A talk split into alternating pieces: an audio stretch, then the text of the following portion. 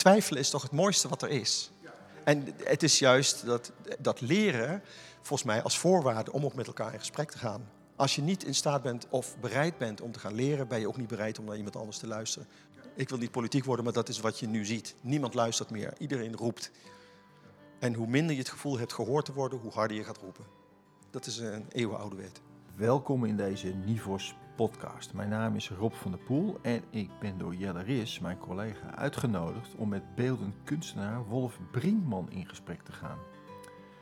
Jelle kwam Wolf tegen bij de Willem de Koning Academie, de kunstacademie in Rotterdam. Hij werkte zelf als docent in de deeltijdopleiding en Wolf die verzorgde elk jaar gastlessen. En zo'n les van meester Wolf, dat is echt een feest, vertelde Jelle. Ja, superleuk. Alle studenten die, die zijn dan daarna een beetje verliefd op meester Wolf. Omdat hij zo enthousiast is en uh, gewoon een beetje harten opent. Dus dat is, dat is al heel leuk om te merken. Wolf heeft dus cultuurbouwstenen geformuleerd. En met deze cultuurbouwstenen geeft hij uh, studenten gereedschap om de wereld op een andere manier te ordenen. Zelf kunnen bouwen en vormgeven. Dus normaal leren we rekenen en taal en dat moeten we goed kunnen en daarmee kunnen we ons dan uitdrukken. Maar deze cultuurbouwstenen geven eigenlijk veel meer dan dat. Die geven ook nieuwsgierigheid en, en onderzoeken. En dus ik, ik, vind het eigenlijk een, echt een hele mooie manier om op een niet-conventionele manier de wereld te lijf te gaan. Kunst is taal en rekenen. Dat was het werk waarmee Wolf Brinkman eerder al de wereld en het onderwijs een beetje op zijn kop zette. Een boek in 2017 uitgebracht in samenwerking met het Museum Boymans van Beuningen, waarin ontmoetingen tussen kinderen, kunst, museum, kunstenaar en leerkracht zijn opgetekend. Jelle en ik willen meer weten over zijn pedagogische drijfveren, van de cultuurbouwstenen en van zijn dwarse denken en zijn, noem het, didactische filering van de wereld en het onderwijs. Hoezo dwars? Het is, het, voor mij is die vraag, wat is denken en hoe krijgen we dat met z'n allen voor elkaar vanuit cultuur en ook vanuit onderwijs? Hoe kunnen we dat op een of andere manier voor elkaar krijgen? Vind ik een wezenlijke vraag. Of laat ik zo zeggen, mijn uitgangspunt is altijd de, dialoog geweest. Altijd, altijd met elkaar in gesprek gaan. Maar waar? Hier in het Wereldmuseum zeggen we dat je de verschillen pas waardeert als je vanuit de overeenkomsten kijkt. En dat lijkt lastig, hè? want als je denkt, die kinderen denken ook, jezus, dat heeft helemaal niks met mij te maken. En dan gaan we met ze in gesprek. En dan blijkt dit alles met jou te maken te hebben, universeel. En dat is toch een interessant gegeven. Het Rotterdamse Wereldmuseum is deze maandagmiddag eigenlijk gesloten. Maar met Wolf en Jelle zoeken we een plekje op de derde verdieping tussen de kunstobjecten, liggend op de rug. In een omgeving die op zichzelf natuurlijk ook weer iets oproept. Ik besluit het gesprek zijn richting te laten vinden en Jelle en Wolf doen daar even hard aan mee. Veel luisterplezier. Hey, trappen we, zijn we afgetrapt? Of wat wilde gebeuren? Ik zou het bijna zo zeggen, er is geen begin en er is geen einde. Nee, maar we zijn hier wel in het Wereldmuseum op een dag dat het niet open is. En ja. uh, we zelf ook onderdeel, uh, tenminste dat voelt er zo, zijn geworden van dit museum. Hier op de grond in, uh, op de derde verdieping. Ja, bij de tentoonstelling Kruispunt. Kruispunt? Ja, een kruispunt als... Rotterdam is, is een kruispunt voor heel veel culturen, voor meer dan 200 50 culturen of zo. En je ziet dus van verschillende culturen hier uh, voorbeelden.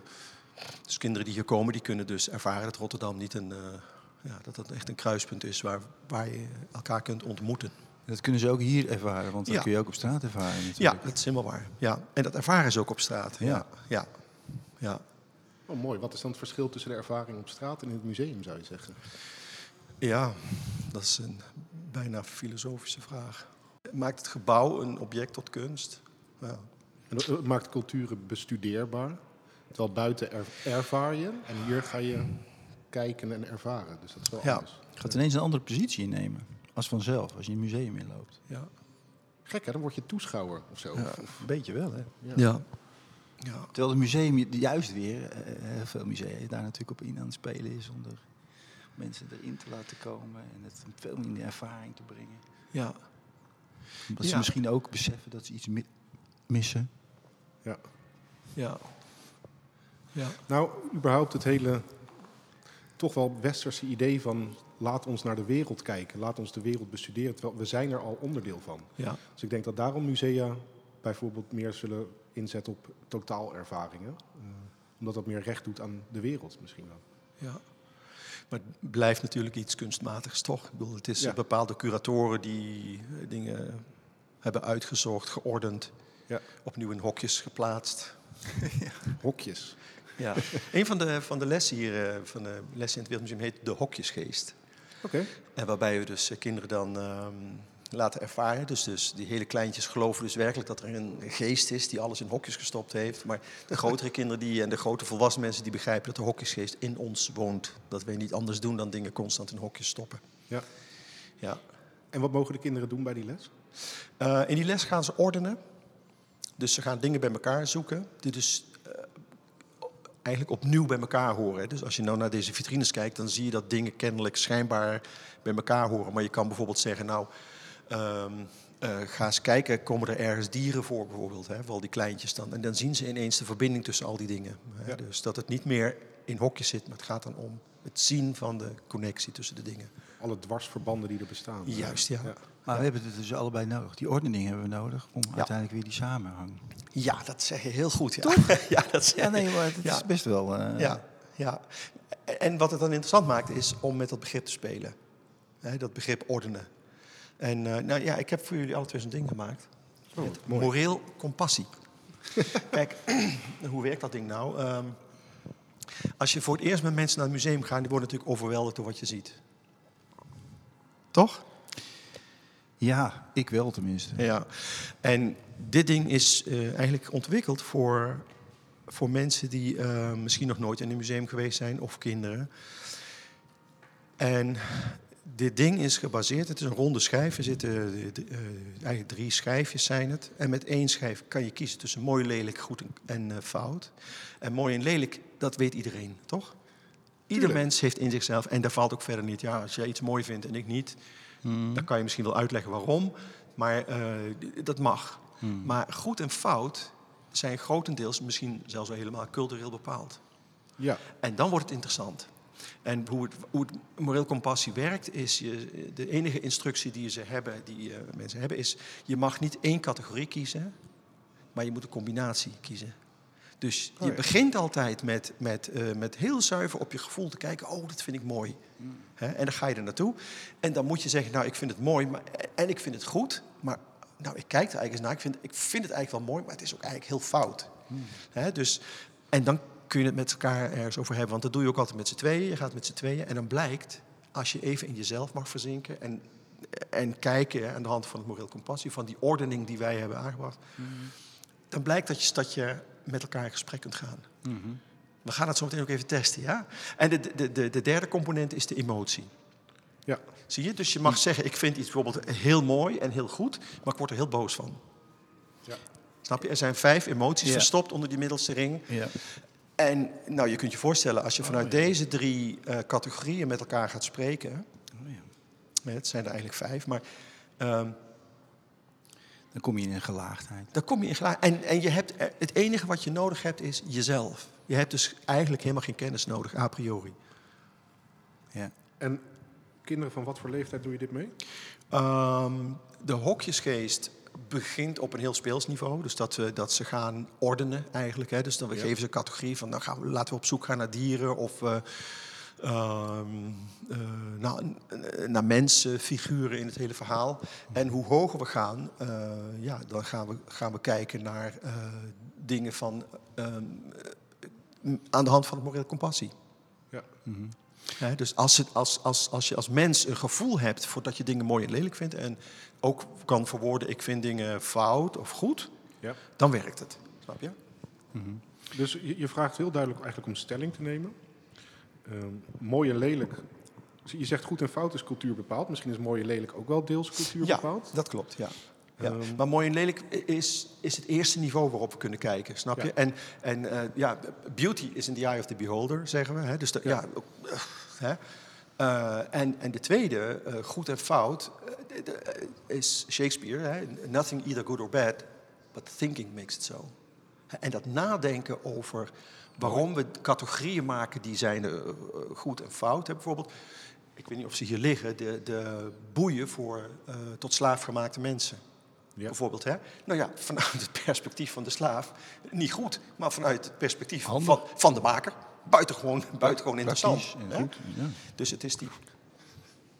Ja, nee, ja, zeker. Ja. Ja. En dat is wat het moreel compassie doet. En we hebben natuurlijk die, eh, die, die Rotterdamse naam gegeven, het moreel compassie. Weet je wat het is? Je moet het zien als een soort middeleeuwse astrolabe eigenlijk, hè, waarmee je kan navigeren hier door zo'n eh, tentoonstelling.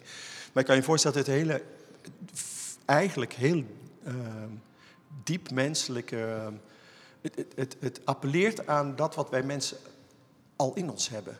Snap je? Want mensen, zo'n museum kan ook best intimiderend zijn. Van, ik weet er niks van. Oh ja. Hè? en dan moet ik, moet ja, en dan moet ik de bordjes gaan lezen. En dan, Ja. oh, en nu ik het bordje gelezen heb, weet ik het niet. Nee, je mag zo'n museum ingaan Ja. met wie je bent. Ik heb er geen verstand van. Ik heb er, nee, en dit haalt dat weg. En dan blijkt dat je dus heel veel verstand hebt. Ja. En wat het eh, heel waardevol maakt, is dat je met elkaar in gesprek kunt gaan. Hè, dus de, de dialoog met elkaar aangaat. Ja. Hey, eh, Wolf, eh, we hadden het even al tevoren. Eh, je- het lijkt wel, je hebt je nu aan dit museum eh, sterk verbonden.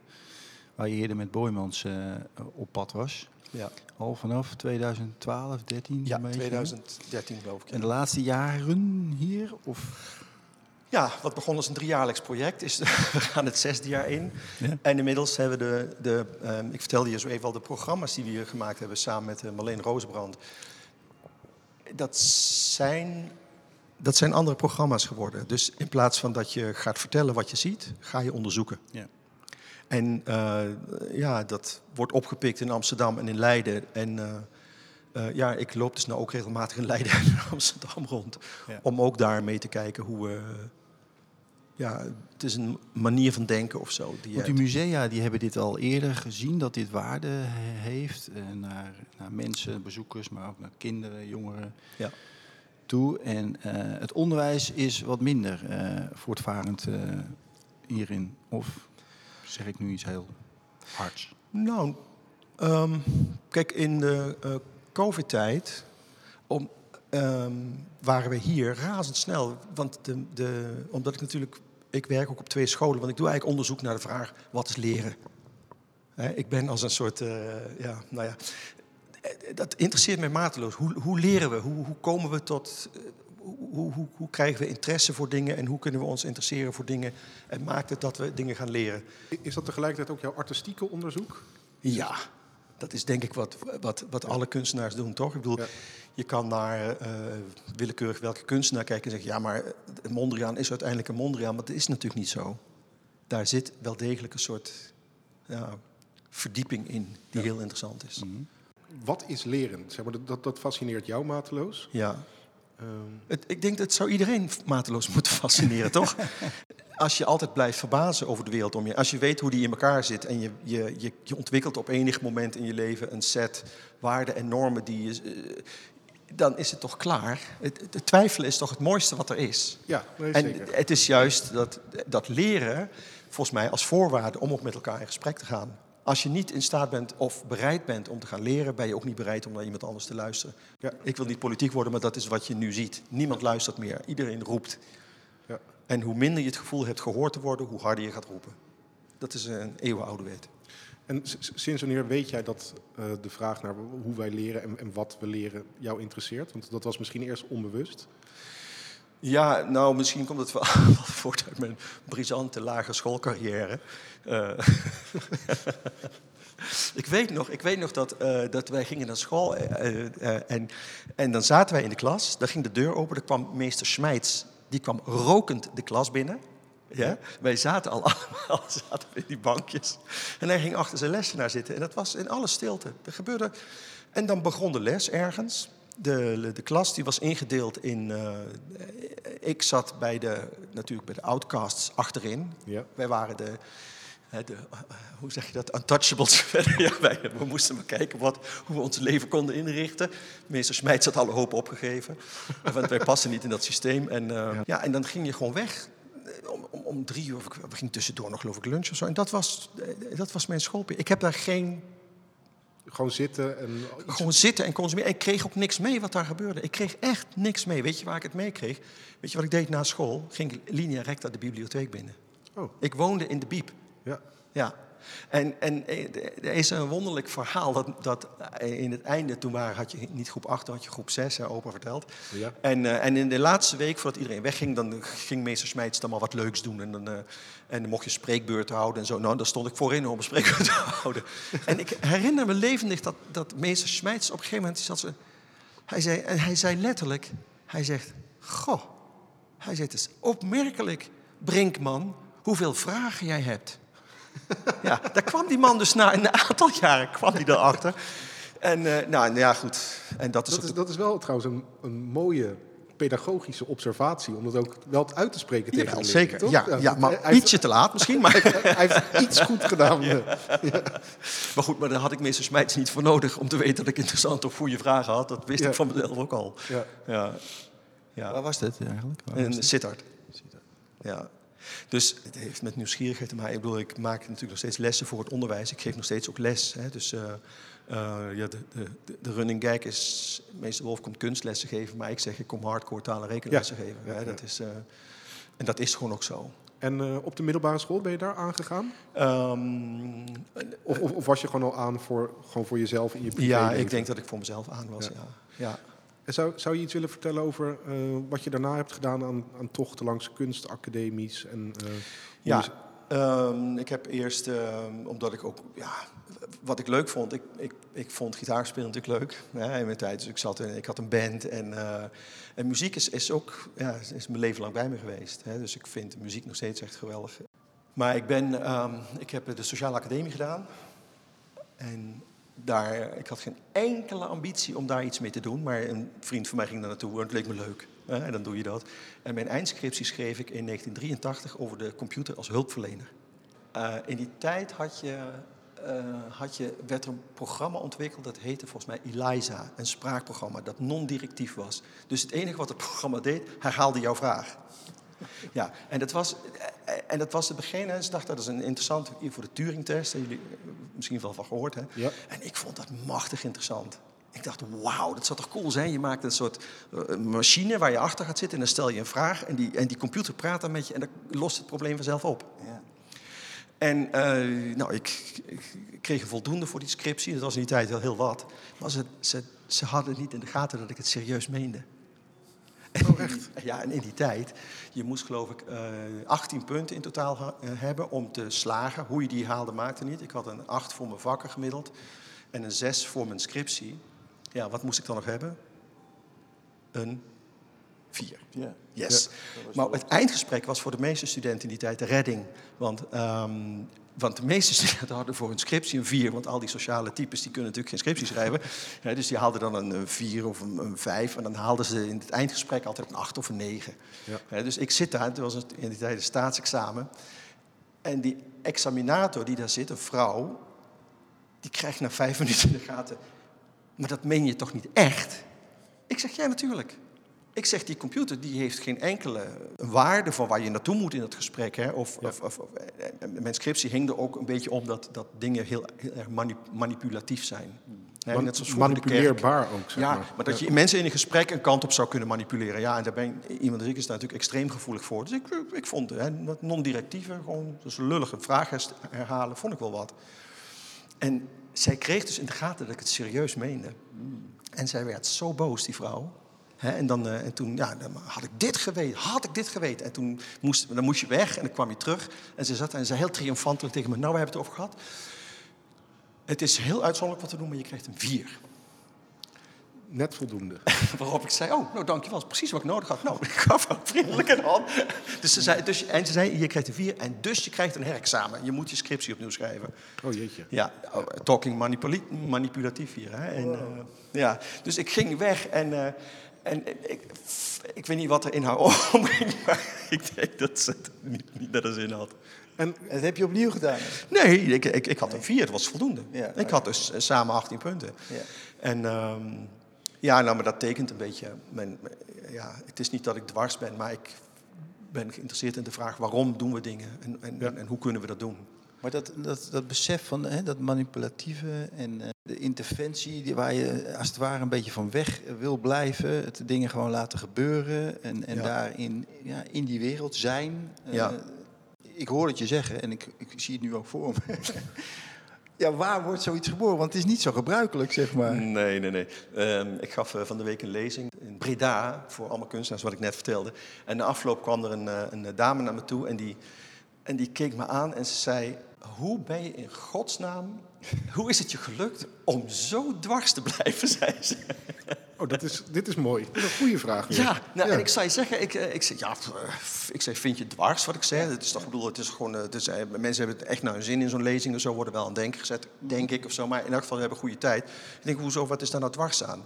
Maar kennelijk is het voor veel mensen is het, ehm, is het best een dwars verhaal eigenlijk. Ja, of een, eh, nou, jij hebt het meegemaakt, Jelle. hè? Dus zo Ja. dwars lijkt het me nou ook weer niet. Ja, maar mensen zijn er wel ontvankelijk voor. Ja. Dat blijkt dus. Dus was niet in de zin van eh, dat ze ervan weglopen. Nee, maar ik moest er wel de hele week over nadenken. Ik bedoel, hoezo dwars? Het is, het, voor mij is die vraag, wat is denken en hoe krijgen we dat met z'n allen voor elkaar? Vanuit cultuur en ook vanuit onderwijs. Hoe, hoe kunnen we dat op een of andere manier voor elkaar krijgen? Vind ik een wezenlijke vraag. Ja, en met jouw denken ben je zo dicht bij jezelf gebleven en wat jou interesseert in de wereld, dat het voor anderen dwars over kan komen, omdat je dus minder in de pas loopt misschien. Maar je hebt gewoon een cre- creatieve eigen wereld verzonnen. Ja, maar toch, hè, we, eh, eh, jullie weten van de cultuurbouwstenen. Ja. Meen ik ergens, o- of laat ik zo zeggen, mijn uitgangspunt is altijd de dialoog geweest. Altijd, altijd met elkaar in gesprek gaan. Maar waar, hier in het Wereldmuseum zeggen we dat je de, de verschillen pas waardeert als je vanuit de overeenkomsten kijkt.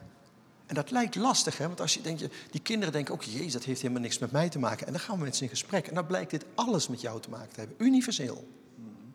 En dat is toch een interessant gegeven. hè? Vertel, we- zien hier een vitrinekast met Ja. eh, beeldjes. Wat hebben wij met die beeldjes te maken? Nou, ehm, laat ik eens aan jou, laat ik het, laat ik het omdraaien voordat ik het aan je ga uitleggen. Laat ik een vraag. Ja. Wat, wat zie je? Hmm, ik zie, omdat het een beetje donker is, silhouetachtige figuren van verschillende formaten. Uit een, eh, toch, ja, niet uit een westerse cultuur. Ik zie Ja. eh, redelijk st- statige poppetjes. Ik zie ook wat trots. En eh, mooie vormgeving. En uit een, uit een andere cultuur, wat ik al zei. Mhm. Ja, mag ik vragen, dat begrip andere cultuur, denk je dat kinderen dat zo heel duidelijk eh, in hun systeem hebben? Dat zij al zien dat dit een andere cultuur is? Mm, als ze de Donald Duck lezen misschien wel. Hm. Want daar krijg je het ook wel even, die stereotypen. Kijk, we zijn eh, in op een ander werelddeel, daar ziet alles er zo uit. Timbuktu. Dus, ja, zoiets. Nou, inderdaad. Ja. Mag ik ook nog trouwens? Wat zeg je? Ja, ja, ja. ja. Tuurlijk mag je wel. Belangrijk toch? Ja, Moet in gesprek, hè? ja, ja. Ben je klaar trouwens, Ik zie Jelle? misschien iets anders. Ehm, nee, ik, ik, ik vind de belichting en de silhouetten mooi en het statig en de trots. Ja. Daar, zou, daar zou ik het wat bij willen houden. Ja. Ja, ik zit te, te kijken van waar is dit van gemaakt. Het lijkt heel hard materiaal of zo. Dus dat fascineert mij eigenlijk. Van hoe kunnen ze zo gedetailleerd toch zijn met dat enorm harde materiaal? Dat, die indruk heb ik tenminste. En eh, ze staan op een soort... Ja, ze staan te pronken of zo. Het is een soort... Ze staan op beeldjes of op, op een soort voetstukjes van eh, dit moet je zien of zo. Dit, ik wil dat je dit ziet of zo. Dat roept het ook bij mij op. En ja, ze hebben wat, eh, nou, inmiddels door de beelden die ik eh, van over heel de wereld krijg, krijg eh, vind ik het niet meer helemaal ongewone eh, vormen, maar toch zijn ze enigszins afwijkend van wat ik in doorgaans tegenkom. En het heeft ook een hele grote, voor mij, een soort mystieke kracht. Een soort ondefinieerbaar. ze- het communiceert iets onzichtbaars wat het, ja, waar je verschillend in kan ervaren of, of mee, mee kan spreken ook. Ja, ik, ik vind dat toch ook wel iets wat eh, de curator heeft gedaan door de belichting en hoe het daar staat. Ik denk als dat beeldje hier in de hoek zou liggen, dan zou je denken, wa- wat, ligt dat beeldje daar? En dan, zie, je dat, dan zie je dat hele onzichtbare meer. Ja. Ja. Die vitrinekast doet ook wat. Ja. Ja, toch? Ja. Ja. Het schept wat afstand, ja. Zie je ook over, zien jullie ook overeenkomsten eigenlijk? Hoe- eh, tussen wat? Nou, als je daar naar kijkt, gaat het over iets wat niks met ons te maken heeft? Of zijn er ook elementen die wel degelijk met Ja. ons te maken Ja. hebben? Het ja, heeft- benoem eens wat. Het heeft alles met, met zijn te maken. Ah, Met ons, ons zijn. Ja, dat, eh, ja. Descartes had er zo tussen kunnen zitten. Ja, wie weet. Ik, ik weet niet of... Nee, maar de figuurtjes twijfelen niet. Oeh, dat is een mooie, ja. Ja. En eentje die, die heeft een eh, vuurwapen, of niet? Ja, Dat is recht op ons gericht. ja, dat heb je goed gezien, ja. En, en wat me ook opvalt, is zijn de ogen die op een of andere manier een soort glinstering hebben. Een echt doordringbare blik. Ja. Althans, misschien is, dat komt het door het lichtval, maar dat zie ik Ja. in ieder geval. ja. Nou, we zitten in een, op een afstand. Pak je moreel compassie er eens bij. Oh, Ja.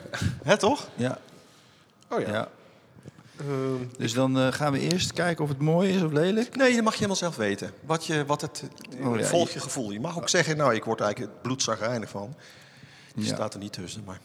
ik vind het mooi, sowieso. Ehm, en ik vind het goed en fout. Ja, maar je moet er even eentje kiezen. Ehm, Voor, voor, de- voor het begin van het gesprek. ja, dan zeg ik, ga ik voor fout. Ja, en ik vind dat het goed is. En eh, ja, ik moet ook kiezen, hè? mooi lelijk. Ehm, ja, maar dan toch mooi. Mooi en fout. Eh, sorry, mooi en goed. Ja, en ik word er, want je hebt ook nog een emotie. ja. Ja, ik word er niet vrolijk van. Een beetje, eh, ik blijf een beetje in een soort van, ja, dit beeldje, ik weet niet wat voor emotie dit is. Het, het heeft iets van, nou ja, een beetje, wat, Iets vertwijfelds. Ja. wat gebeurt hier of zo? eh? wat gebeurt hier? Ja, ja, precies. Ja. Ik, vind, ik vind het dus eh, mooi en fout. En ik, ik, ik ben verbaasd. Ja, Wat, wat doet het hier? Waarom is het hier? Waarom, waarom kijk ik hier naar dit? Dat vind ik allemaal vreemde dingen. Waardoor ik dus mezelf heel veel vragen ga stellen. Mm. Eigenlijk al waar we het in het begin over hadden. Op, op straat kom je de wereld ook tegen. En hier kom ik de wereld in hokjes tegen. Dat, eh, ja ge- in geconcentreerde vorm. Eigenlijk een soort Nesquik. eh. Ja, maar daar is het misschien op straat niet toegestaan om daar zomaar eventjes eh, een dialoogje over te voeren of iets moois of is. en daar even met elkaar zo... eh, ja? ja, En dat- hier mag dat, het dat- wel of dat, zo. dat- dat zijn dan de ongeschreven regels. ja. Ja. Nou, eh, inderdaad, als je mensen bevraagt op verschillen, dan kan dat worden eh, ervaren als, als micro-racisme, toch? Mhm. Ja. Dus Ja. eigenlijk zou je dus inderdaad, als je, als je op straat naar de wereld wilt kijken, kan je be- beter toch ook bij overeenkomsten beginnen misschien wel. Ja. ja, maar eh, even een stap terug. Eh, We zijn toch al vijf minuten spreken we over deze vitrine, toch? Ja. Ja, En we hebben We zijn er niet klaar. En we zijn kennelijk nog niet klaar. Maar kun je je voorstellen dat als je dat met kinderen doet... en voordat je dat bordje gaat lezen... want als je het bordje gaat lezen... dan, dan opent zich nog een parallelle wereld eigenlijk... over dat wat je allemaal niet wist. ja. Dus de, de, de aanzet om te mogen kijken en te mogen vinden iets van wat je daar ziet... is zo belangrijk eigenlijk. En dan heb je de connectie eh, gemaakt. ja. Snap je? Het is niet zo dat je zegt, nou, ik, ik kijk hier naar, het doet me niks, het zegt me niks, ik heb hier niks mee, ik ga weg. Ik wil naar mijn moeder. Hè? Of nee, Ja. ik wil nu met de bus terug naar school. Nee, dat gebeurt niet. Je kijkt en je, je mag, je- het, op een manier word je gemanipuleerd om er iets van te vinden. Heel mooi. En dan komt de taal ook gelijk eh, om de hoek. Exact, ja. En het rekenen kan daar ook bij. Nou ja, je kunt vragen hoe oud is het, wanneer is het gebeurd, gemaakt, hoe lang doe je erover om dit zo te maken. Hè? Je kunt zeggen, die, die meneer daar rechts, hè, die heeft een stok, is die oud, is die jong. Vergis je niet, heel veel taalkundige begrippen zijn ook rekenkundige begrippen. Ja. Ja. Ja, snap je, dat zijn geen... eh, En ook als je spreekt over maakprocessen. Ja. Als je maakt, je moet alles meten wat je maakt. Exact. En, en dat is ook allemaal rekenen. ja. Ja. Ja. want ja, als je kijkt, sommige zijn eh, wat gestileerd, maar andere hebben toch eh, behoorlijk goede proporties ook. Hè? Dus de maker Ja. heeft wel degelijk een heel sterke ambachtelijke eh, vaardigheid om dit ook voor elkaar te krijgen. Ja. Hey, ehm, supermooi. Dus we hebben dus een moreel compassie. Dat krijgt de leerling samen met iemand anders. Ja. Krijgen ze er één met z'n tweeën? ja, ze moeten ze zelf maken overigens. Oké, ja, ja. Nou, maar dat is dus supermooi. Dus de, de leerling wordt gevraagd eh, inbreng te hebben vanuit zichzelf. Gewoon wie je bent. Je mag iets vinden, je mag iets zeggen. Ja. Je stimuleert eh, tot gesprek. En eigenlijk eh, wek je dus hiermee het verlangen om dus zelf te willen denken en, en handelen. Ja. En is het dus, je doet een beroep op de leerlingen. Ja, het Dus, gaat, dus het is ja. een, pedagogisch instrument, zou Ja. ik zeggen. Ja, het gaat over dat begrip eh, eigenaarschap, wat ik extreem belangrijk vind. Ja, Als, als je in een leerproces geen eigenaarschap kan inbouwen, dan is het eigenlijk geen leerproces. Dan is het een. ehm, ja, dan wordt je gezegd wat je, wat je te doen hebt. en, en met eigenaarschap bedoel je betrokkenheid, eh, ja. engagement. Intrinsieke motivatie. eh, ja, Om het te willen, om het te willen leren. Ehm, kijk, net zoals misschien hebben jullie zo meteen wel de neiging om te zeggen... nou, ik heb hier nou van alles over gezegd, over deze vitrine. Ik ga even het bordje lezen. Ja. Dat is die intrinsieke motivatie. Het is eigenlijk al van jou. We hebben je eigenlijk uitgenodigd om Ja. te vertellen wat, wat je ziet, Ja. wat je ervan vindt, wat je ervan voelt. Hè, Mooi. Je, je hebt kennis in jezelf opgehaald waarvan je misschien niet eens wist dat je hem had. Ja. En eh, dan ben je dus al verbonden met, dat, met die vitrine. En dan ga je nog eens kijken wat er staat. En dan, en dan wordt de wereld alleen nog maar groter. Ja, maar jij bepaalt, of de, je- bepaalt zelf hoe diep of Juist, je ja. gaat. Ja, Of hoe breed je gaat. ja. ja. Maar, maar het En daar moreel blijf je ook kompas... van weg, ook van als docent zijn. Ja, ja, ja. ja. Dat is- wat, Ja, ja. dat, is, dat is mooi Kijk, hoor. de, de, het werk wat erin zit, ook in het maken van de lessen, wat ik eh, met Marleen gedaan heb. Marleen zei van de week nog, of eh, zei daar straks nog, eh, hier werken we al zes jaar aan. In het, eh, ik maak mee op Pabo's, dan moeten die studenten een lesontwerp maken. Ja. Hè, en dan moeten ze één les maken. Ik zeg, weet je, voordat een les eh, het appellation controlé krijgt, heb ik hem minstens 30 keer gegeven. En de leerlingen die bepalen mede de inhoud van de les. Ja. Snap je? Hoe kan je nou verwachten dan van studenten of van mensen die methodes maken? Ehm het is gewoon heel veel werk. Maar ik mag toch hopen dat dit ook nog niet helemaal vast ligt. Hè? Dat je uiteindelijk nog steeds... eh, Ja, kijk, eh, je- wat je nu in je handen hebt is ook het resultaat van, eh, van anderhalf jaar onderzoek. Hè. De Ja. moreel compassie zag er ook nooit zo uit. maar Dat is nu. En misschien onder invloed van wat we merken op school, hoe kinderen ermee omgaan. En eh, hoe, komt het dat jij, ehm, zeg maar, je gaat heel vaak dus terug naar de tekentafel Ja. om je onderwijs te herontwerpen. Ja. En eh, waar komt die, wat drijft jou daarin? Ehm, ik denk de kinderen uiteindelijk. Ja, Ja, ja. Als ik, ik zal je echt zeggen. Kijk, en, en eh, je- hoort het ook in de lezing die ik aan de studenten geef. Dan eindig ik met de, met de, met de woorden: Ik ben de meester geworden die ik zelf graag had willen hebben. ja, En die, die studenten zien mij dan, hebben me dan een uur, anderhalf uur bezig gezien. Hebben al die voorbeelden gezien. Hebben het plezier bij die kinderen gezien. Hebben Ja. waarschijnlijk ook mijn plezier ervaren. Ja. Hè, want ik, ik bedoel, ik sta daar niet. eh, ik vertel niet. eh, dit is iets waar ik voor ga. Snap je? En dat, dat doe ik met een zekere energie. grappig hè? Ik moet in één keer denken, wat vraagt dat dan van lerarenopleiders? Want jij staat voor een klas als docent. Je belichaamt volledig wat je doet. Je staat er helemaal achter. Je bent zo enthousiast als ik weet niet wat. Ja. Ehm, is dat wel te leren? Ja, dat is een goede, ja. ja. Ik denk voor een deel van wel. Maar als ik aan jullie vraag, eh, eh, herinner je je aan een meester of juf van de lagere school of überhaupt uit de tijd? Die hebben we allemaal, toch? En wat, wat had die meester of juf? Die van mij die had altijd een eh, onzichtbaar papiertje in zijn zak. Dat die ging die dan uitvouwen. En dat, was, en dat was dan het einde van zijn verhaal meestal. Dat was, dat was nice. Ja, geweldig. Ja. Maar was het een gepassioneerd iemand? Eh, ja, hij vertelde verhalen altijd over Jaap en Annette. En dan op een gegeven moment ergens in het verhaal... oh, wacht, er zit iets in mijn zak. En dan was het, dat was altijd het, het einde. Dus hij was al gepassioneerd, ja. Het, ja, het verhaal over Jaap en Annette. Geen idee. Ja. Ik heb, ja, ik, er komen allemaal leraren voorbij. Maar eigenlijk hebben ze allemaal iets gemeenschappelijks voor mij. En dat is dat ik, dat ik eigenlijk helemaal geen druk heb gevoeld. Want je, ik, heb, ik voelde me echt ja, vrij. Ja, dus het waren volgens mij ook allemaal jonge leraren die met elkaar een soort van ruimte konden maken. Waarin Ja. je je gang kon gaan. Ik, Ja. Ja, nou, dat is dus eh, een, eh, voor wat mij betreft een groot ingrediënt aan de lessen die ik geef aan de kinderen. Het scheppen van ruimte. Hè, je laat iets zien en ehm, Je, la- je laat iets zien, dus hè, je, je wijst op, op iets uit de wereld... wat eh, Ja. de moeite waard is om aandacht aan te besteden. Ja. Daar begint het mee. ja, precies. Je hebt een moreel compassie voor de verbinding.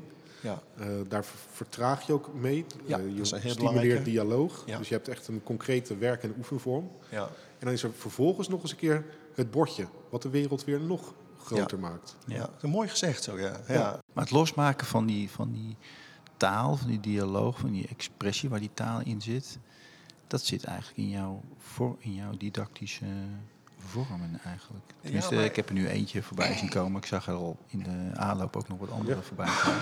Ja, maar Jelle vroeg ook naar, naar die didactische vaardigheden, maar ik ben me daar niet van bewust. Nee. En, eh, Nee, nee, nee, nee, en- nee, en- dat, weet ik. Ja, maar ik heb er, ehm, wat grappig was, eh, toen ik eh, vorige week dus eh, die lezing gaf aan al die, al die, die kunstbroeders en zusters, om het maar zo te zeggen. Ja, En zij, worst, of zij, bij hun leeft de vraag ook heel sterk. ehm, hoe is die verbinding naar het onderwijs toe? En ik dacht, ja, ik ga hun dat nou laten zien. Maar ik denk, ik, ik moet een verhaaltje vertellen. Hè? Dat vind ik leuk, hè? een verhaaltje vertellen.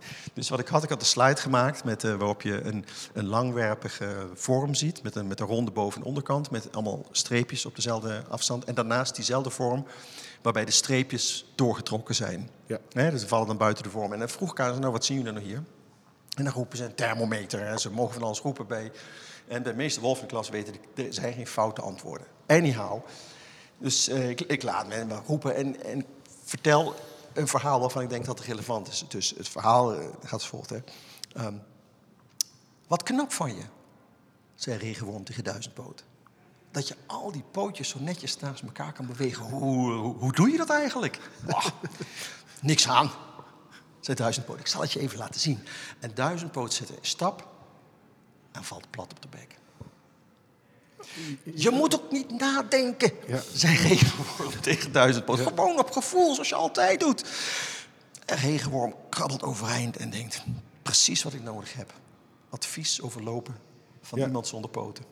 Grap, is, is dit ook een metafoor, dus wat, je net zegt van met mijn didactische vaardigheden, daar ben ik me niet van bewust. Dus is dat ook een metafoor voor als jij daar te veel over nadenkt, dat je dan ook verstapt? Nee, ik, ik, verstap, ik verstap niet, maar het is een metafoor ergens voor... Het is de, de, de Engelsen noemen dat de centipedal question. Hè? Dus de, de, als je vraagt een duizend loop je, dan struikelt hij. Nou, ik heb er een soort verhaaltje van gemaakt... om wat ik er, wat ik er zelf...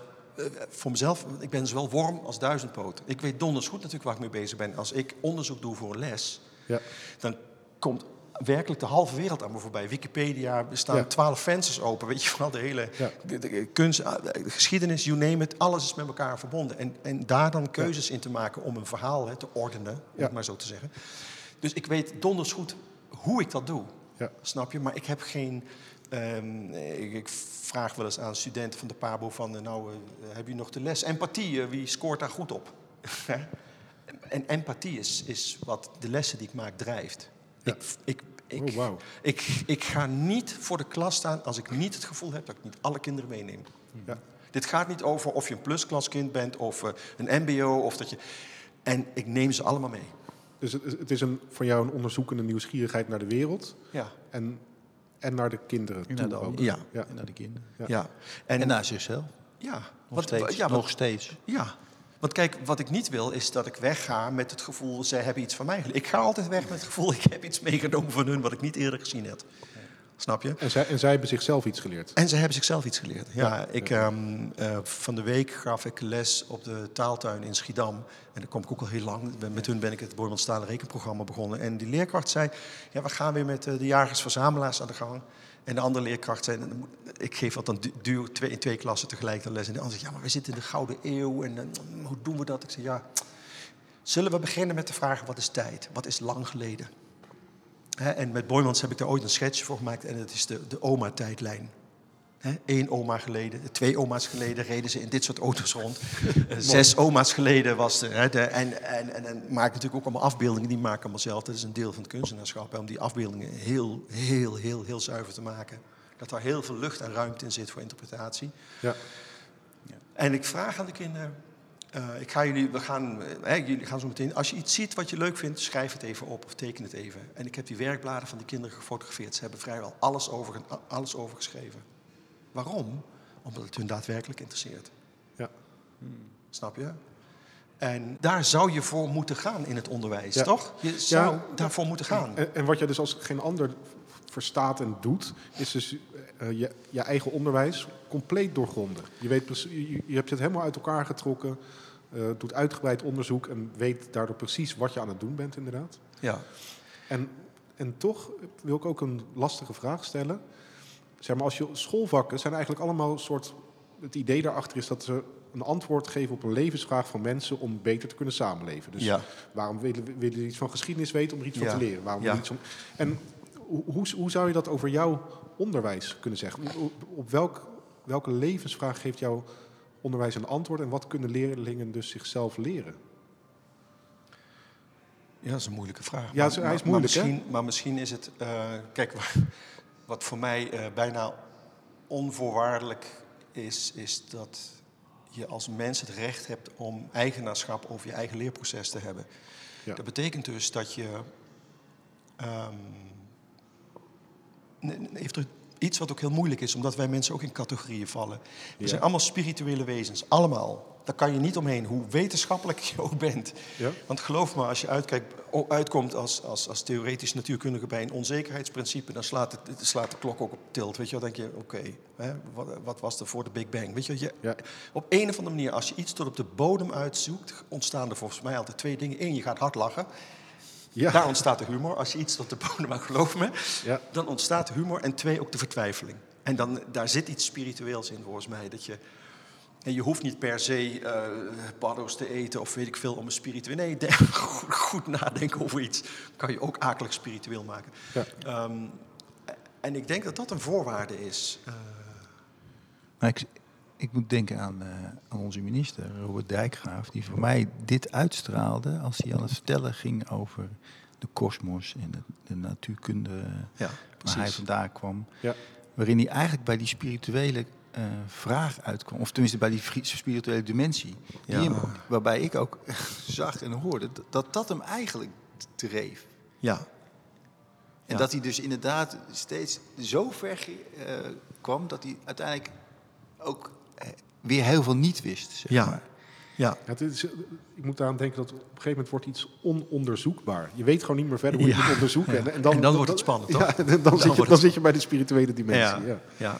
ja. d- nee, dat is de cultuurbouwsteen. Niets die ik zelf zo belangrijk vind en interessant. Hè. De- Daar Ja. beginnen we mee. eh, Met, met, met, de- met, de- als we met de studenten zijn, met dat Ja. niets, dan laten we laat ik zien hoe die kinderen dat niets onderzoeken met de nietsvangers. En, eh, Ja. en, en in het niet kijken en dat soort dingen. Hoe, eh, maar ik wil nog even terug, want voordat ik dat vergeet. eh, Er zijn dus categorieën waar wij mensen invallen. Ja. Dus je kunt, je, de hokjesgeest woont in ons allemaal en we kiezen allemaal. We wonen eigenlijk allemaal op eilandjes, zo zie ik dat. Waarin we mensen eh, no- uitnodigen en een tijdje samen gaan, et cetera. Dus ehm, eigenaarschap over dat leerproces, ja, misschien is het wel uiteindelijk, zit ik, zit ik maar te denken hoor, dat het, dat het begrip emotie hoort sterk bij de spiritualiteit wat mij betreft. Hè, want dat, en, vandaar, en om dat te kunnen begrijpen, denk ik dat ook eh, godsdiensten ontstaan zijn. Hè, om grip te hebben op Ja. dat wat ik voel. Hè, want het is natuurlijk een immense vraag. Waar komen, wij zijn de enigen die dat doen. Hè, wie ben ik en waar komen we vandaan? Eh, tot het, toch? Ja. Voor, zo, voor Ja, zover bekend wel. Ja, dat, ik denk dat dat, ik denk stiekem dat schapen dat ook doen. maar die zijn wijs. Die zijn, wij- die zijn nou echt wijs. Die, die zeggen, nee, wij weten het, maar we gaan het niet aan jullie vertellen. Weet je? je kan mijn wol hebben en mijn boutjes, maar we gaan je niet vertellen wat, het, wat mijn echte waarde is. Dus misschien... ehm, Ja, ik heb nog één. en, eh, Jelle, misschien Ja. eh, kun jij nog mij vertellen en de luisteraars. Want Ja. jij hebt Wolf eh, een keer uitgenodigd, of een keer toevallig in een, eh, bezig gezien op jouw eh leraaropleiding. Ja, Wolf komt elk jaar eh, gastlessen geven op de kunstacademie. En eh, ik werk in de deeltijdopleiding, dus met volwassen studenten. En Willem de Koning. op de Willem de Koning Academie. En daar heeft hij eh, inzicht gegeven in zijn werkwijze en een paar lessen ook met ons gedaan. En ja, superleuk. Al- Alle studenten die, die zijn dan daarna een beetje verliefd op meester Wolf. Omdat hij zo enthousiast is en gewoon een beetje harten opent. Dus dat is, dat is al heel leuk om te merken. Ja. Ehm, Dus, En- dus waar, eh, hij geeft, we vertellen erover en we, we maken wat mee zo nu. Maar wat, wat brengt hij als, Ja. als docent dan mee? Nou, ik, ik heb er wel eens een Los specifiek... van de didactische eh, kanten misschien, of misschien wel erbij, ik weet het niet. Nou, ehm, ja, toch ook wel didactisch. Ehm, Wolf heeft dus cultuurbouwstenen geformuleerd. Eh, dat zijn de volgende. eh, zijn, emotie, meten, ordenen, symmetrie, patroon, tijd en ruimte en niets. En met deze cultuurbouwstenen geeft hij eh, studenten een eh, gereedschap om de wereld op een andere manier te ordenen. En ook ehm, zodat ze de wereld op een andere manier zelf kunnen bouwen en vormgeven. Dus normaal leren we rekenen en taal en dat moeten we goed kunnen en daarmee kunnen we ons dan uitdrukken. Maar deze cultuurbouwstenen geven eigenlijk veel meer dan dat. Die geven ook nieuwsgierigheid en, en onderzoeken. En, eh, dus ik, ik vind het eigenlijk een, echt een hele mooie manier om op een niet-conventionele manier eh, de wereld te lijf te gaan en gewoon te onderzoeken. Ja. Ze roepen op tot onderzoek, tot nieuwsgierigheid. Ja, Ja, en, ja. en het begint, Wolf zei het net al even, met, bijvoorbeeld met nietsvangers. Dat zijn eh, rolletjes plakband hè, uiteindelijk. En dan gaan kleine kinderen in hun lokaal gaan ze... Oh, ik heb niets gevonden. Kijk, wat een mooi niets. En dan hebben ze zo een paar haartjes op hun plakbandje. Dat hebben ze dan gevonden. En dat vormt dan de basis voor de, voor de kunstles die vervolgens eh, volgt. Dus ja dat, eh, ja, dat is gewoon super mooi. En er zijn, zijn trouwens ook twee studenten nu geweest bij het afgelopen project waar jij eh, eh, gastdocent was. Die hebben kamers geanalyseerd met kinderen en gekeken wat zit er nou eigenlijk tussen de objecten en hoe kan je dat eigenlijk benoemen. En hebben ze ehm, eigenlijk ook eh, het niets van de ruimtes en alle emoties die daarin wonen. En ja, heel mooi. Ja, ja. Nou ja, weet je, kijk, een paar jaar geleden als ik die lezingen gaf, dan bleek dat inspirerend te zijn. Maar op een gegeven moment kwam steeds maar, maar oké, dat jij dat kan, dat zien we nog wel, maar ik wil dat ook kunnen. Hoe doen we dat, snap je? Het is de vraag hoe. En ehm, ik was toen al met die cultuurbouwstenen min of meer bezig voor mezelf. En toen dacht ik, misschien kunnen we daar een, hè, kan ik er een aantal uitpikken waarvan ik denk van, nou dit zijn ze. En dat waren deze acht die hier nou eh, op staan. En die komen in al mijn lessen, komen die altijd, die komen als duveltjes uit doosjes, springen die steeds in mijn nek. Je kan, het is onmogelijk om niet over tijd en ruimte te spreken. Ja. Het is onmogelijk. En ehm, nou ja, goed. Oh ja. Ze Ah. zijn er altijd Ze zijn er altijd. En, Ja. en wat dit doet is, wat ik doe dus nu is, ik ga met eh, docenten en met studenten, en met nou ja, iedereen die dit maar wil, gaan we zitten en gaan we op les ontwerpen. Ja. En dan begin je met een, met een begrip en, en je neemt het. Elk begrip kan je daar in het midden van die cirkel neerzetten. Wat ik heel, heel mooi vond, eh, afgelopen maandag was ik in Utrecht f- bij eh, een docententeam van, eh, van Windesheim.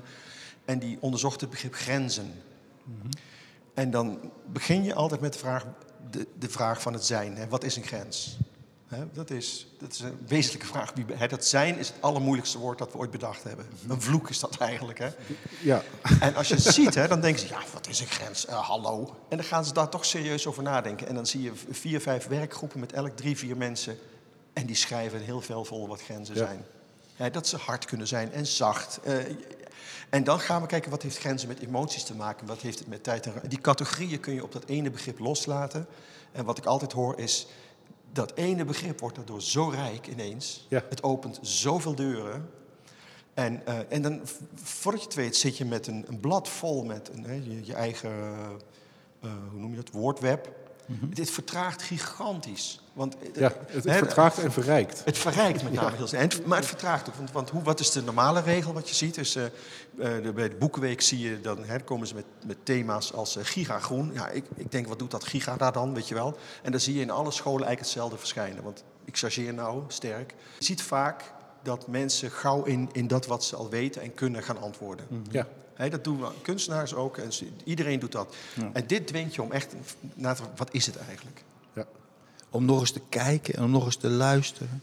Om nog eens te voelen. Ja, Nog eens, nog eens, nog eens. Ja, ja. En de- ja, dit is wat ik doe. dus als je wil ja. weten, nou, maar hoe doe je dat? Nou, zo doe ik dat dus. Ja. Het, is, het is echt een lange weg voordat je één les hebt. Op één zo'n vraag, hè, wat is tijd eigenlijk? Daar maak ik niet één les, daar Ja. maak ik 15, 20, 30, Ja. 100.000 lessen kun je erover maken. Maar wat zie je, inderdaad, jullie zei al iets over wat, wat er gebeurt dan met, die, eh, met jouw studenten. Wat zie je daarna nog gebeuren? Wat valt je op? Hij is geweest en dan, of hij is er. En, Ja, enthousiasme eigenlijk. Dat, dat heb ik ook al wel even gezegd. Enthousiasme om. De studenten krijgen zin om leraar te worden. Omdat ze zien hoe het kan, hoe het enthousiast kan, hoe het heel eigen kan. Ja. En dat, dat, willen, ze- dat willen ze ook heel graag. En, eh, nou, en, en dus één project eh, was heel duidelijk toegespitst op het onderzoeken van het niets. En ik weet niet of dat er direct mee te maken heeft, maar dat, eh, achteraf zeiden de studenten ook, ja, dat, dat zou best wel eens eh, door Wolf kunnen komen. Maar het kon ook best door David Lynch komen, zeiden ze. dus dat, eh, dat, is- dat, is- Dat is toch mooi? Dat je, ja. dat, je dat, maar ik bedoel dat je dat durft te onderzoeken. Hey, en ehm, ik ben nog wel benieuwd, want jij hebt ook een tijdje op een kunstacademie gezeten. Ja, Daar ben je eerder weggegaan, geloof ja, ik. ja. En, ehm, en op een gegeven moment ben je onderwijskunstenaar geworden. Kan, kan je iets vertellen over, over dat gedeelte van je leven, van, kunstacademie tot onderwijs? Ja, nou, ik heb twee jaar, ik heb eerst propenduizen psychologie gedaan, maar ik zag mezelf geen psycholoog worden. Ik vond psychofysiologie vond ik wel interessant, maar ik, eh, ook daar haakte ik af. Dat, en ik werd altijd enthousiast. Ik maakte altijd dan, als we iets eh, bijvoorbeeld als we iets in de les bij het college gehad hadden, er was een experiment waarbij ze de, de, het gehoor eh, hadden omgedraaid. Hè, met een soort toeters hadden ze dus wat het, dat- wat het met je doet en een bril dat je de wereld op zijn kop ziet. En, en zo'n ding ga ik dan maken en neem ik dan de volgende les nam ik dat mee.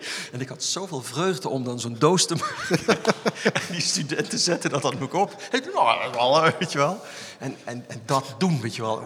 Dat, vond ik, eh, dat vind ik nog steeds helemaal te gek. En, ehm, maar dat zag ik mezelf niet doen. En Hoe, toen, hoe, hoe, komt het toch dat jij zo dwars bent gebleven? ja. Ja, maar is het dwars of is het gewoon... Nee. je volgt je enthousiasme, toch? Het is gewoon vreugde. Ja, Het is ja. gewoon, het is, dat vond ik ook, ja, dat je nou een week gaat stofzuigen, slaan gaat kopen, dozen gaat verzamelen en dan zo'n ding maakt waarbij je dat ehm, ja, gaat uitproberen. Dat, het doen, het doen. Ik, er wordt te veel gesproken en te weinig gedaan, volgens mij. Dat is het. Handen uit de mouwen. De hand uit de mouwen, het doen, ja, ja. ja.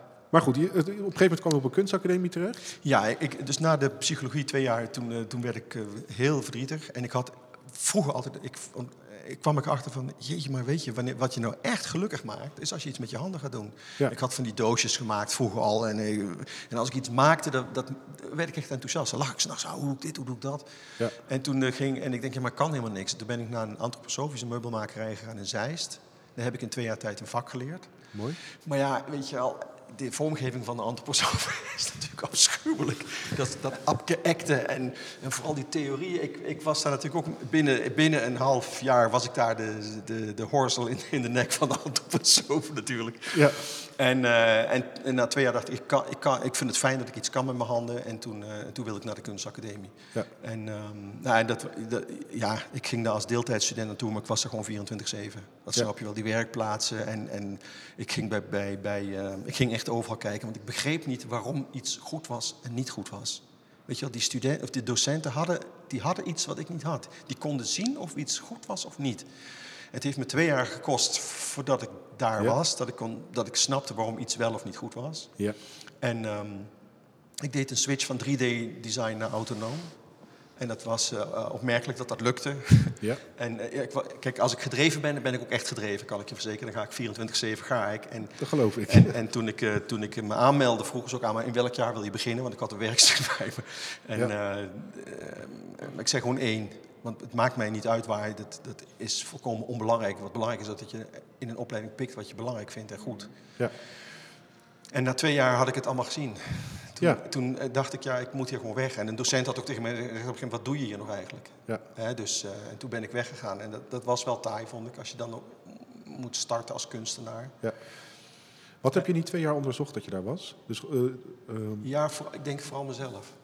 kijken wanneer, weten wanneer iets goed is dus. Dat Ja. vond, je, vond je belangrijk. En, en jezelf onderzoeken. Ja. Ja. Ja, ja dat, dat is, met name, kijk, ik, ik was na twee maanden wel klaar met mijn kunst. Kijk, ik kan natuurlijk hout bewerken en dan breng je iets en dan denken ze, wauw, weet je, wow, knap. Maar Ja. knap, het gaat niet om knap. Het gaat of je die emotie kan overbrengen. Ja. Snap je? En, eh, en ik denk dat dat ook uiteindelijk het, het lesgeven interessant maakt. Weet je, je connect eigenlijk ook met die kinderen op basis van emotie. Als ik daar sta en ik ben enthousiast over wat ik gemaakt heb en wat ik ze ga laten zien, Ja. zijn zij het ook. Ja.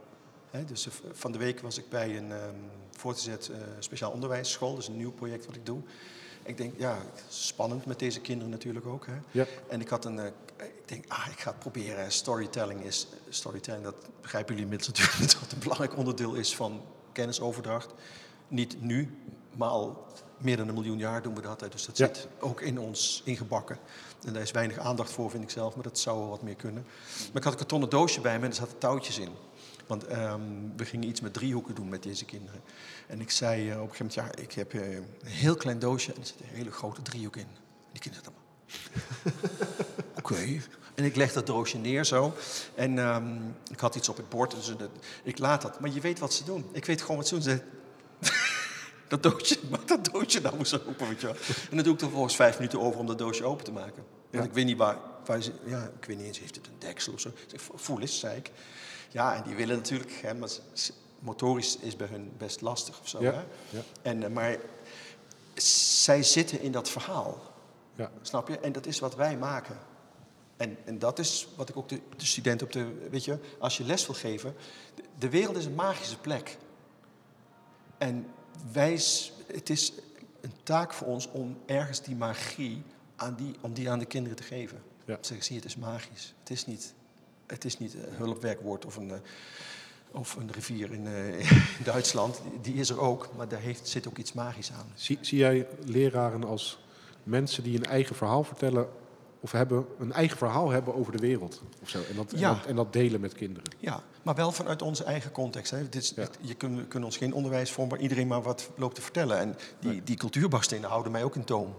Snap je? Anders, eh, anders ga ik gewoon alle kanten op. Het is, ah, ja, Ja. Als, Blijf, blijven ook kaders, zeg maar. er blijven, maar die, die zijn, die, die dingen, dat vertel ik ook de, de Maar eerste... drivers meer, het zijn meer drivers. Ja, maar ze zijn er ook zonder ons. Het zal de, de kosmos Ja. echt een zwart gat roesten of verwijderd zijn of niet. Dat blijft symmetrisch, die blijft eh, bezig over tijd en ruimte, over niets enzovoort enzovoort.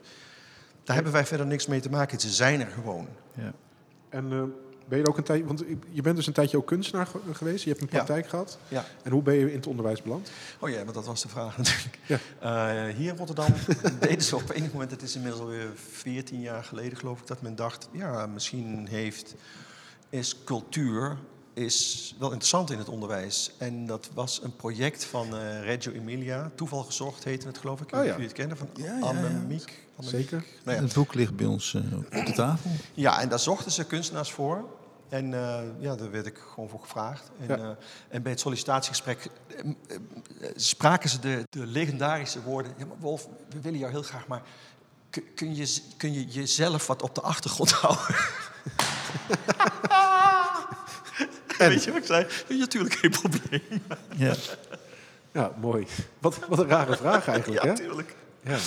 Ja, maar Nee, dat- maar dat, is- dat is toch wel vreemd. Want hoe enthousiast je ook bent, eh, jij laat zeker ruimte voor de ander en, en diens zelfvorming of zo. Je, je doet het Ja. niet voor, voor kinderen. je Nee, zegt niet nee, hoe het moet. verre van. Ze moeten heel hard werken. Want ik ben een, behalve een domme meester, ben ik ook nog eens een hele luie meester. Zij moeten alles zelf doen. Je moet een domme en een luie leraar zijn. Ja. Maar inderdaad, toen jij aan het- aan het spreken was, al een half uur geleden, denk ik. Toen dacht ik ook aan Reggio Emilia, omdat een paar collega's eh, net eh, daar ook zijn geweest. Ja. En die eh, daarover verteld hebben. Vanuit verteld hebben. En eh, ook die, die piazza die daar een heel centrale plek in neemt. En vooral die beelden die ik voorbij zag komen. Ja. Waar ze de wereld, waar, ze, waar die kinderen eh, nou ja, ook die ruimte gewoon hebben om Ja, die- te- vanuit de ontmoeting, zeg maar, te- En, en die, ook in mogen, dialoog zijn, zeg maar. ja. En die mogen ze ook mede vormgeven, toch? Hoe, Ja. hoe het plein eruit ziet. Ja. ja. Eh, dat klopt helemaal. We kregen ook eh, een soort, soort eh, cursus vooraf. Maar ik werd daar een beetje... mm, Ik dacht, ja, dat is natuurlijk heel... Het past binnen die cultuur. Het is vanuit die cultuur ontwikkeld en het hoort daar ook. En ik was... Ik vroeg me af of we dat zo één op één konden overbrengen. Ik ben er ook geweest. Eh, ik ben er niet geweest. Ehm, en ik moet zeggen, en na twee weken zei ik, dit gaan we mooi niet doen. dus, eh, ja, en, Want eh, ja, dat paste niet bij. eh, we moesten natuurlijk heel veel opnames maken, heel veel foto's maken en dat soort dingen. Maar ik, wil, ik was met die kinderen druk. Ja. Snap je? En het atelier wat ik had was gewoon een, ook een heel goed atelier. Ik had voor alle kinderen een wit overalletje gekocht. En Ja. wit paar sokken. Dat hebben ze gewoon drie maanden gedragen. En eh, dat, dat project was gewoon echt waanzinnig. Ja. Ouders kwamen kijken, die kinderen waren dit. Ja. En als Robert Dijkgraaf morgen zegt, eh, ik heb er geen zin meer in. Zou je dan eh, minister van eh, in ieder geval het basisonderwijs willen worden? Nee, nee, Nee? nee. nee.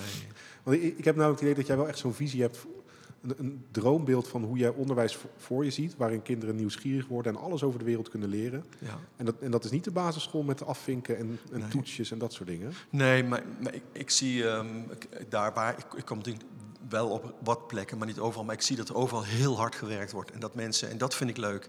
Je moet het niet van één iemand laten afhangen. Nee. Snap je? Ehm, ja, net zoals Fred Wartna eh, vroeg ooit aan mij van... hey Wolf, eh, stel we hebben geld en we kunnen een nieuwe school beginnen. Ja. Zullen we dat doen? Dan zeg ik nee, dat is het domste wat je kan doen. Jezelf buiten het onderwijs zetten. Je moet in het onderwijs zitten. Oh, en, en die frustratie en dat wat niet lukt. Maar je moet met elkaar in gesprek gaan. Dat is volgens Ja. mij de oplossing. Ja. Tegen de klippen op, gewoon met elkaar in gesprek gaan. En het hangt altijd natuurlijk toch af van een paar idioten die ergens een, een idee hebben of een, of een fractie van een idee. Dat, en dat zie je overal, in de architectuur, in de muziek, in de kunst. Overal. Dus dit is, dit is eigenlijk een oproep niet tot dwarsdenken, maar tot eigen denken. En, en- ja, en binnen, en, binnen en het samen onderwijs. denken. Ja, en Ja. samen iets, iets Ja. zoeken. Ja, En die verscheidenheid gewoon eren of zo. ja, hè? ja, zeker nu. Ik bedoel, eh, ja, 60, 70 jaar geleden eh, ja, was het duidelijk. Als het onderwijs inkwam, dan lagen de paden voor je, waren, lagen daar. Ja. Dankjewel. Ja. Alsjeblieft. Gaan we nog even rondkijken hier? Zeker. Leuk. Ja. Ja. Dit was weer een Nivos podcast, aflevering 95 alweer. Je kunt de serie Nivos podcast vinden en beluisteren via de website, maar ook op Spotify en via Apple Podcasts. Daar kun je ook een commentaar of een waardering achterlaten. Stichting Nivos sterkt leraren en schoolleiders in de uitvoering van hun pedagogische opdracht. Meer over onze activiteiten en werk vind je op www.nivos met een z.nl.